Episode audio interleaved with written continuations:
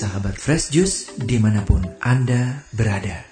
Sesaat lagi kita akan mendengarkan Fresh Juice Senin 25 April 2022 bersama Christian Aditya dari Tangerang. Selamat mendengarkan.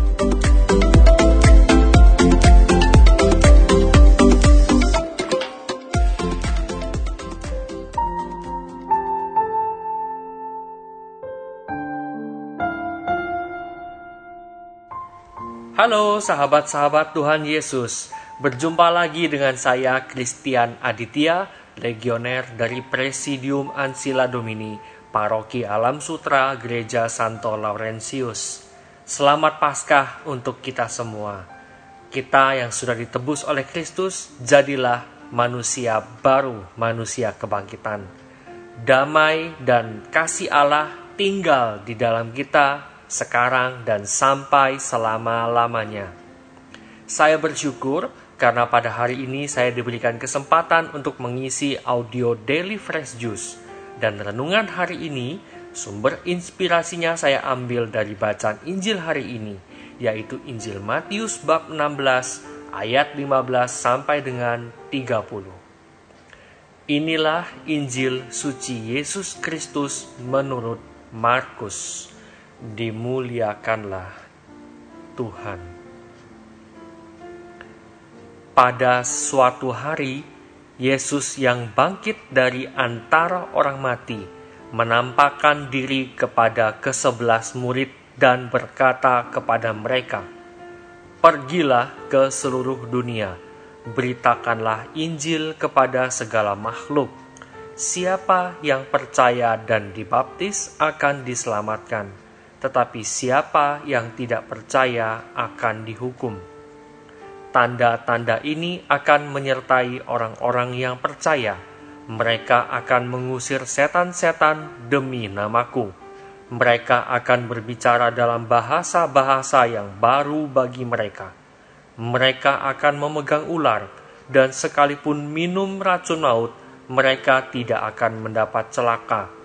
Mereka akan meletakkan tangannya atas orang sakit, dan orang itu akan sembuh. Sesudah berbicara demikian kepada mereka, terangkatlah Tuhan Yesus ke surga, lalu duduk di sebelah kanan Allah. Maka pergilah para murid memberitakan Injil ke segala penjuru, dan Tuhan turut bekerja dan meneguhkan firman itu dengan tanda-tanda yang menyertainya. Demikianlah Injil Tuhan. Terpujilah Kristus. Pada hari ini kita memperingati Pekan Paskah yang kedua. Dan bersamaan dengan itu, pada tanggal 25 April 2022, Gereja Katolik memperingati Pesta Santo Markus, pengarang Injil bacaan Injil masih seputar tentang kebangkitan Tuhan Yesus dan mandat dari Tuhan Yesus untuk melanjutkan tugasnya di dunia. Pada Injil hari ini, Tuhan Yesus memberikan tugas kepada kita umatnya untuk mewartakan Injil kepada semua makhluk. Namun, yang mungkin jadi pertanyaan untuk sebagian dari kita adalah bagaimana cara kita mewartakan Injil kepada semua makhluk. Apakah kita harus berdiri di lorong-lorong dan berkhotbah seperti zaman dulu? Atau apakah kita menjaring orang seperti kegiatan member get member? Atau kita door to door seperti salesman, menawarkan dan memberitakan keselamatan Ternyata, mewartakan Injil kepada semua makhluk tidak serumit yang kita pikirkan dan yang kita bayangkan. Pada bacaan pertama hari ini, Santo Petrus menjelaskan bagaimana cara kita untuk mewartakan Injil, yaitu dengan rendah hati berserah dalam pemeliharaan Tuhan dan kita melawan iblis. Sejatinya, esensi dari Injil dan ajaran Tuhan Yesus adalah kasih dan kabar sukacita. Kasih itu menjadi landasan bagi kita semua, pengikut-pengikut Kristus khususnya, untuk melakukan segala hal. Jadi, kasih itu adalah fondasi utama dalam kehidupan kita, dalam setiap sendi kehidupan kita, apa pun karya pelayanan kita, pekerjaan kita, tugas kita di dunia. Sebagai pengikut Kristus, kita wajib mewartakan kasih dan kabar sukacita. Untuk bisa memancarkan kasih kepada semua makhluk memang tidak gampang Nah, pertama-tama kita harus merendahkan diri di hadapan satu dengan yang lain. Hal ini menandakan bahwa kita berposisi sebagai hamba dalam melakukan pekerjaan Tuhan Yesus. Lalu, kita juga perlu meminta bimbingan Tuhan Yesus melalui curahan Roh Kudus, agar dalam mengamalkan kasih, kita tidak tersesat melalui pengertian kita sendiri melainkan dengan bimbingan Roh Kudus kita dapat mengerti pesan Injil, ajaran Tuhan Yesus dan kita mengamalkan seperti apa yang Tuhan Yesus inginkan dari kita. Dan yang terakhir, jangan lupa pesan dari Santo Petrus. Kita juga perlu melawan iblis. Dengan cara apa? Pertama, kita refleksi batin untuk menggali apa yang menjadi dosa dan kelemahan kita selama ini lalu mengaku dosa dengan sikap tobat yang sempurna dan menerimakan sakramen tobat agar relasi kita dengan Tuhan menjadi baik kembali. Nah, ada kalanya dalam pelayanan kita, dalam pewartaan kita, kita terjebak untuk mencari popularitas diri kita sendiri. Ya, dan ini sangat tidak disukai oleh Tuhan Yesus ini menyeret kita pada dosa. Dan dosa hukumannya adalah maut atau ketidakadaannya Tuhan di dalam hidup kita. Nah, sedikit sharing dari saya, ya izinkan saya untuk bisa men-sharingkan pengalaman pribadi bagaimana saya uh, berbagi kasih konkretnya seperti apa. Kira-kira sebulan yang lalu, ya puji Tuhan keluarga saya yang terdiri dari mami mertua, istri saya, anak saya yang pertama Rosa dan anak saya yang kedua Gracia baru saja dinyatakan negatif dari COVID-19. Puji Tuhan, saya negatif sedari awal. Sejak awal mereka terjangkit positif COVID sampai selesai masa isoman dan dicek kembali melalui PCR. Puji Tuhan saya juga hasilnya negatif. Dalam kondisi seperti itu, saya hanya bisa berdoa, mohon dikuatkan agar saya tidak meledak, serta jangan sampai saya salah tindakan. Saya juga sempat curhat sama Om Sandi Kusuma, karena beliau adalah orang tua perkawinan saya. Pesan beliau kepada saya waktu itu kira-kira begini Orang membawa pelita bukan supaya ditempatkan di bawah gantang atau di bawah tempat tidur, melainkan supaya ditaruh di atas kaki Dian. Ini merupakan kutipan dari Injil Markus bab 4 ayat 21. Berangkat dari pesan Om Sandi Kusuma kepada saya, saya pahami bahwa kali ini Tuhan Yesus ingin memancarkan kasihnya melalui saya kepada keluarga dengan cara pelayanan kepada segenap keluarga yang terjangkit COVID-19. Jadi, kasih yang saya berikan kepada mereka bukan sekedar kasih yang ada di bibir, melainkan tindakan nyata dengan merawat anggota keluarga yang terjangkit COVID-19. Ya, secara manusia saya juga sempat berpikir, oh bagaimana ya kalau saya tertular?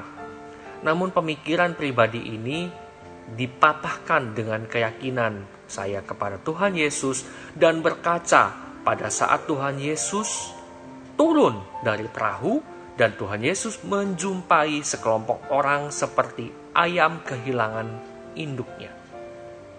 Lalu Tuhan mengabaikan lelahnya. Tuhan mengajar mereka, menyembuhkan orang sakit, menyatakan mukjizat pada mereka.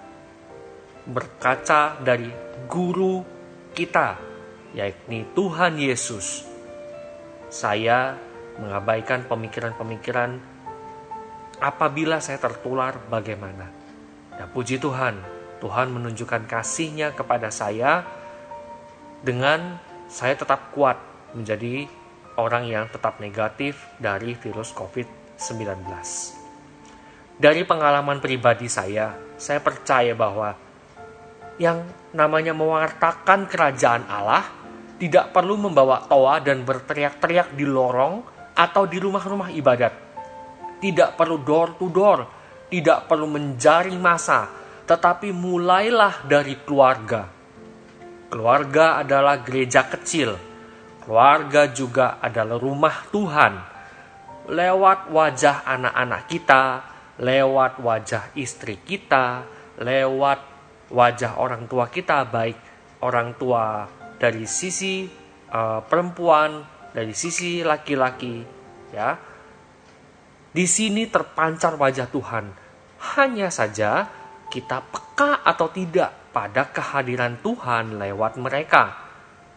Atau kita terjebak dengan pemikiran kita sendiri, mewatakan kerajaan Allah di luaran sana, sibuk mencari popularitas untuk diri sendiri lewat pewartaan dan pelayanan palsu dan semu.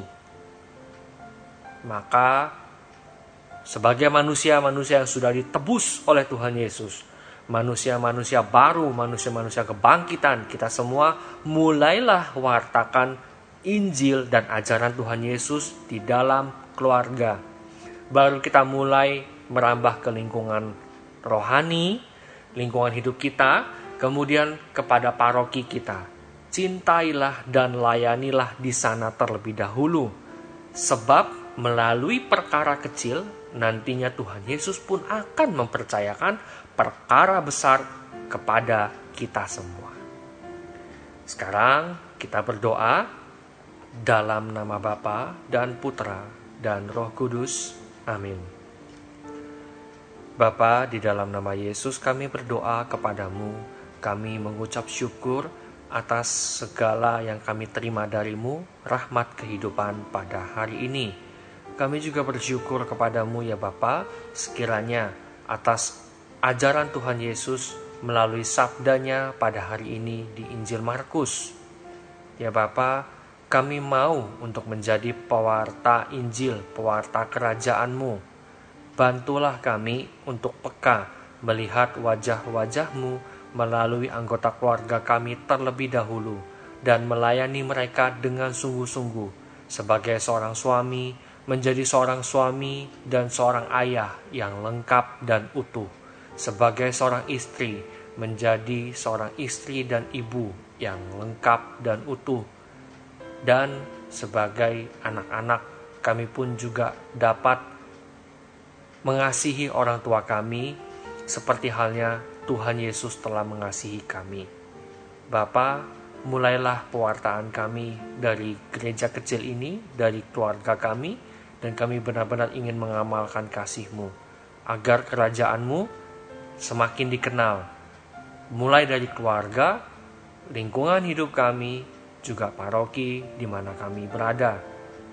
Pakailah kami sebagai alatmu ya Bapa, dan melalui perantaraan Bunda Maria, kami mau menjadi perpanjangan tanganmu, mau menjadi duta cintamu. Salam Maria, penuh rahmat, Tuhan sertamu, terpujilah engkau di antara wanita dan terpujilah buah tubuhmu Yesus. Santa Maria, Bunda Allah, doakanlah kami yang berdosa ini sekarang dan waktu kami mati. Amin. Dalam nama Bapa dan Putra dan Roh Kudus. Amin. Semoga kita semua yang telah menang dengan kebangkitan Tuhan Yesus dari maut menjadi manusia baru dan mewartakan kasih Allah tanpa lelah. Tetap jaga protokol kesehatan, virus ini belum berlalu. Semoga keadaan semakin membaik dan hidup kita semakin sehat. Kita semua dilindungi dari virus COVID-19. Salam Fresh Juice. Sahabat Fresh Juice, kita baru saja mendengarkan Fresh Juice Senin 25 April 2022.